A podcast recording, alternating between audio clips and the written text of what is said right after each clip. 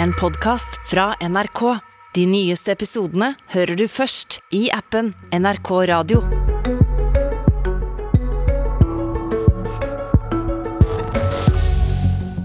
Hvem skal egentlig sørge for at barn og unge ikke blir utsatt for vold, også når gjerningspersonen er et annet barn eller ungdom? En vold som øker raskt, og hvor alderen på offeret også går ned. Vi ville høre hva unge politikere mener er løsningen på vold blant unge, og inviterte AUF og Unge Høyre til debatt. Velkommen til et politisk kvarter hvor vi også skal følge opp FRP, FRPs budsjettkritikk av Høyre med å se på hva Frp selv leverer. Hvor finner de egentlig alle pengene? Men først unge, svært unge, som begår alvorlig kriminalitet. Og det mye mer enn før, for noen ganske få år siden. Tonje Nilsen, du er sentralstyremedlem i Unge Høyre. Dette bekymrer dere? Det bekymrer meg veldig. Jeg kjenner sjøl på det at jeg har tantebarn for eksempel, som er akkurat i denne aldersgruppa. og Det viser jo at vi har store utfordringer i samfunnet som sitter dypt, som vi enda ikke klarer å løse, bl.a. i skolen f.eks. Jeg gikk gjennom en del statistikk med kriminolog i SSB Reid Stene i SSB i går, Statistisk sentralbyrå. De forteller man ser en tredobling av vold utført av 12-13-14-åringer siden 2015-16. Eh, Ofrene er også tilsvarende yngre. Og så ser man en tilsvarende utvikling i seksuallovbrudd. Der inngår også voldtekter. Eh, hva vil dere gjøre? Ja, Vi vet at det er veldig mange barn som vokser opp i utenforskap, og som havner i feil miljø, og som også begår altså det her med alvorlig kriminalitet. og Spesielt det med voldskriminalitet bekymrer meg veldig. Um, men problemet med det er at de her barna er også under 15 år, for den øker også tilsvarende der. og Det betyr også at politiet har veldig lite de kan gjøre, annet enn å sende bekymringsmelding til barnevernet. Det fører til at det er veldig mange barn som ikke blir fanga opp, og som ikke blir fulgt opp av noen, og fortsetter å begå kriminalitet og være i kriminelle miljøer. Og så kommer dere med et ganske kraftig forslag. Dere vil senke den kriminelle lavalderen fra 15 til 13 år. Ja, på sett og vis vil vi det. Vi vil fortsatt ha en generell kriminell lavalder fra 15 år, men for nettopp alvorlig kriminalitet så ønsker vi å senke det ned til 13 år, fordi det vil inkludere flere i det arbeidet som politiet kan gjøre, og som myndighetene kan gjøre for å fange opp de som trenger det. Gaute Børstad Skjervø, nestleder i AUF. Du er med oss fra Trondheim. Hva tenker dere om forslaget fra Unge Høyre? Nei, vi tenker at det vil være en veldig uklok retning å ta Norge i. Eh, det er mer alvorlig kriminalitet. Vi ser at eh, yngre barn blir dratt inn i det. Men hvis at en 13-åring tenker at sitt naturlige fellesskap er i en kriminell gjeng eller i en ekstremistisk organisasjon, så er det ikke først og fremst 13-åringen som har feila, da er det storsamfunnet rundt. Og jeg tror ikke at en riktig løsning på 13-åringer som finner fellesskap i gjenger, er å fengsle eh, barn. Og Hva mener dere er den riktige løsningen? Nei, Det handler om hvordan vi som fellesskap stiller opp for disse, spesielt guttene det gjelder. Eh, hvordan er barnevernet på, hvordan skaper vi trygge rammer i skolen, utekontakter i kommunene. Vi vet at etter korona så var det mange gutter og unge jenter som ikke hadde noe fritidstilbud, muligheten til å være til stede i lokalmiljøet sitt, ikke hadde trygge voksenpersoner. Og Det er et langsiktig arbeid som krever forebygging, som krever at vi er på som storsamfunn, at voksne engasjerer seg og bidrar, men løsninga ikke sette disse ungene i fengsel. Men det er forebyggingen som har feila? Ja, på sett og vis. Hvis at 13-åringer begår grov som de jo gjør, eh, også i storbyene, så vet vi at det er et problem som håndteres i mye større grad også av hele ramma rundt. Det vil være skolen, helsevesenet, det kan være rusomsorgen. Det er mange som må på banen, men eh, jeg tror at det viktigste vi kan gjøre, er å vise disse unge guttene unge jentene at fellesskapet ønsker å dra dem inn igjen, få dem med som en del av vårt storsamfunn, ikke dytte dem videre ut. Nilsen, eh, tenker dere at de altså, lovbrytere altså ned til 13-årsalderen til syvende og sist kanskje skal fengsles? Altså Først vil jeg bare si at jeg er helt enig i det som blir sagt, egentlig. Men fellesskapet har svikta, og politikere har svikta. Da må vi gjøre noe for å hjelpe de som sitter nederst. og Vi kan ikke bare ha mer av det samme som vi har gjort før. Og så handler ikke dette forslaget om at 13-åringer skal sitte nødvendigvis i fengsel. Det handler om at Men er det en mulighet? Eh, det er en mulighet, men sånn som loven er i dag allerede, så verken straffes barn likt som voksne eller må sones sånn som voksne. Så det er en helt annen type kriminalomsorg som vi ser for oss i Unge Høyre. For Målet med kriminalomsorgen er jo også å rehabilitere, sånn at man skal kunne komme tilbake til samfunnet. Og det er det vi også vil med det forslaget her, da. Når vi så når moderpartiet, Voksne Høyre, eh, kom med et forslag mot unge kriminelle, så snakket de om at man skulle ha et hurtigspor for nettopp å fengsle unge lovbrytere. Visste dere ikke det at det er fengsel til syvende og sist som dere også vil ha som i hvert fall ris bak speilet? Ikke nødvendigvis fengsling. Jeg tror det vil variere veldig fra barn til barn og aldersgruppe òg, eh, om det er det som er riktig. Og så mener også at eh, jo hurtigere det går, jo bedre er det. Fordi man er ikke tjent med at man skal vente på å bli plukka opp, eller vente på å få den hjelpa man trenger, og få en vei og billett ut av det kriminelle miljøet.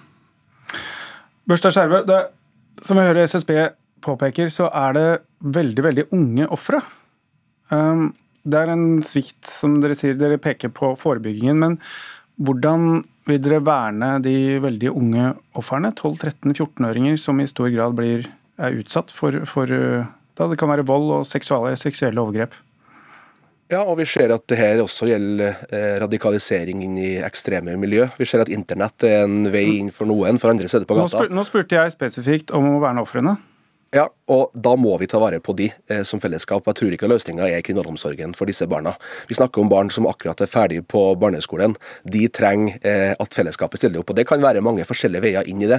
Det kan være kommunen, det kan være skolen, det kan være mange områder. Men kriminalomsorgen skal være der for de som eh, har begått så alvorlig kriminalitet at man må få en straffereaksjon fra samfunnet. Jeg tenker at 13-åringer har en lang vei å gå før de skal dyttes ut i, i det løpet. Heller dras inn i fellesskapet. og eh, Vi må ta det på alvor. Vi må følge opp opp, men det er jo først og fremst disse som står bak, de gjengkriminelle gjengledere som skal sitte bak lås og slå, ikke kjøre Lamborghini på gata. Men nå, nå svarer du om det som er da gjerningspersonene fortsatt.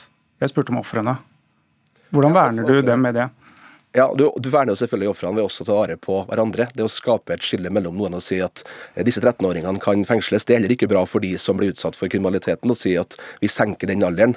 Det vil gjøre at vi skaper et samfunn der det er eh, mer utrygghet, nettopp fordi at du ser på disse barna som eh, lovforbrytere som man ikke skal stole på, som man ikke kan ta vare på i de rammene vi allerede har. Jeg tror at barnevernet er i stand til å ta vare på disse, og det vil også være med tanke på de som er ofre for kriminaliteten. Nilsen? Ja, altså Det er barnevernets oppgave å ta vare på barna, og det er helt riktig det. Eh, men politiet må også kunne ta vare på menneskene i samfunnet rundt. og Derfor mener jeg også at det forslaget her er veldig veldig godt. Vi vet jo også at veldig mange mellom 13 og 15 år blir rekruttert av eh, gjengkriminelle for å utføre kriminelle handlinger, fordi det kan ikke straffeforfølges og er, ikke, og er heller ikke straffbart. Og bare For å ta et litt eksempel. da, I 2019 så var det en 14 år gammel gutt som var millimeter unna å bli drapsmann. Offeret slapp så vidt unna med livet i behold, mens gutten fikk bare enda en eh, melding, bekymringsmelding fra barnevernet fordi politiet måtte henlegge saken. Det barna hadde også 70 lovbrudd på seg fra før av og 40 bekymringsmeldinger til barnevernet. og Sånn kan vi ikke ha det, da må vi gjøre noe for å hjelpe de. Det alvorlige tilfellet du snakker om der, skal det nevnes også at eh, det utgangspunktet vi hadde for hvor økningen kommer fra, er på også et historisk lavt nivå de årene før vi så den siste stigningen. Men når du sier altså her må man ha andre tiltak, det har skjedd veldig mye, mye, mye før. Og så ser vi at eh, kriminaliteten, altså det er tolvåringer som begår alvorlig kriminalitet. Hvorfor, hvorfor senker dere ikke kriminelle lavalderen til tolv, da? Hvis det er det dere skal ramme uansett? Nei, Altså fordi Et sted så må også grensa gå. og sånn, om Den er, og den er på, ikke 15? Nei, den, jeg mener den burde være på 13 år. Det er litt eh, lettere å definere, tror jeg.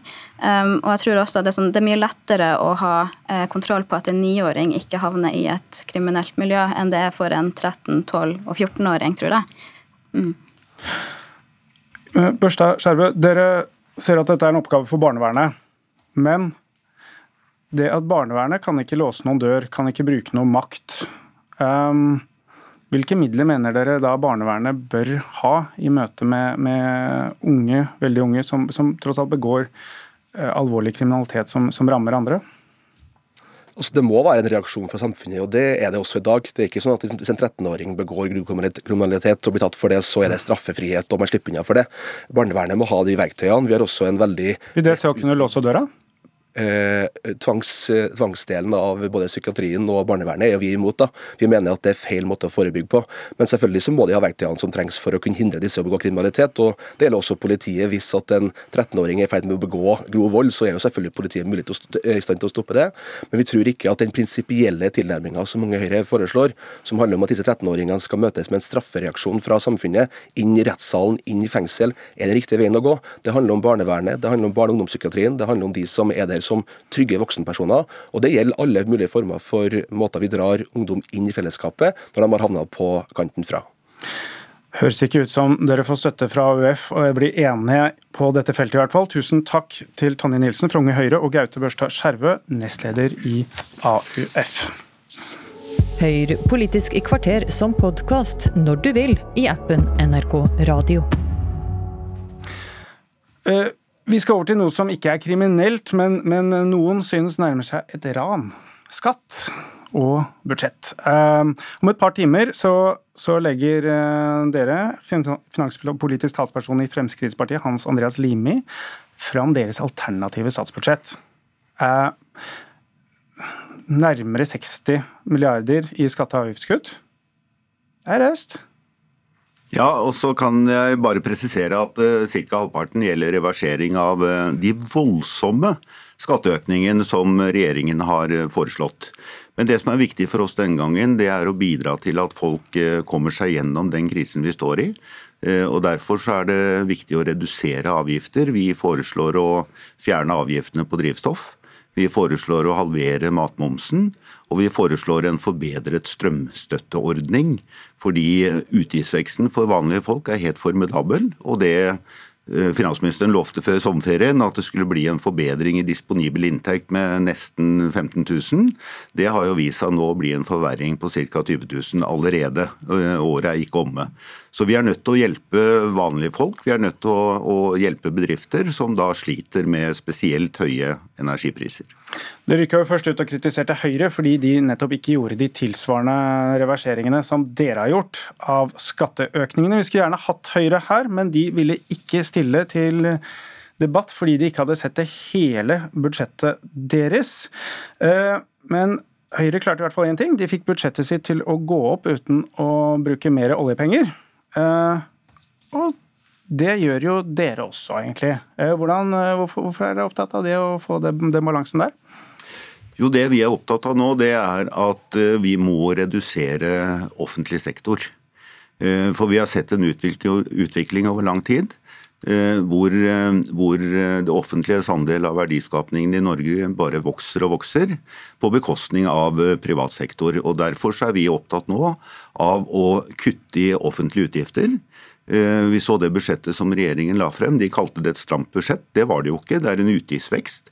Eh, det eneste kuttet som ligger i det budsjettet, det er på samferdsel, og det er veldig uheldig. Så vi mener at det er riktig nå å ta noen overordna grep. Kutte offentlige utgifter og sørge for at vi eh, får en privat sektor som kan vokse og fortsatt bidra til å skape verdier, og ikke minst bidra til å finansiere velferden. Nå er det mulig jeg leser de tallene fra budsjettet dere kom med dårlig, men jeg finner ganske mange påplussinger og ikke så mye innsparinger. Og så finner jeg et par spennende inndekninger. Altså, dere skal hente ut 27 milliarder fra Folketrygdfondet, altså Statens pensjonsfond Norge. Eh, dere skal dra ut 15 milliarder ekstra fra Statkraft og Argentum. Skal for så vidt eh, kutte oss med 3 milliarder. Deg om det. Og, og, og dere tar 4 milliarder på CO2-fangst eh, og -lagring, for så vidt. Men det er, det er, et reelt kutt. Men de andre tingene henter dere jo bare Altså De to store postene henter dere jo bare rett og slett ut penger. Det er jo ikke noe kutt.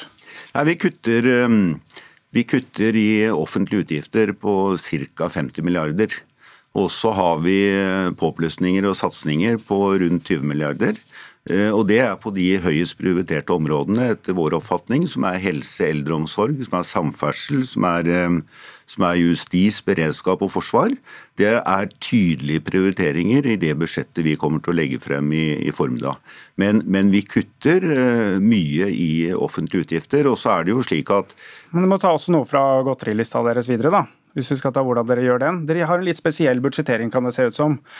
Dere skal redusere veldig på bensinavgiftene, mm. og dere skal gi en massiv strømstøtte. Altså dere er lova 50 øre. Maks for alle. Men bare første halvår.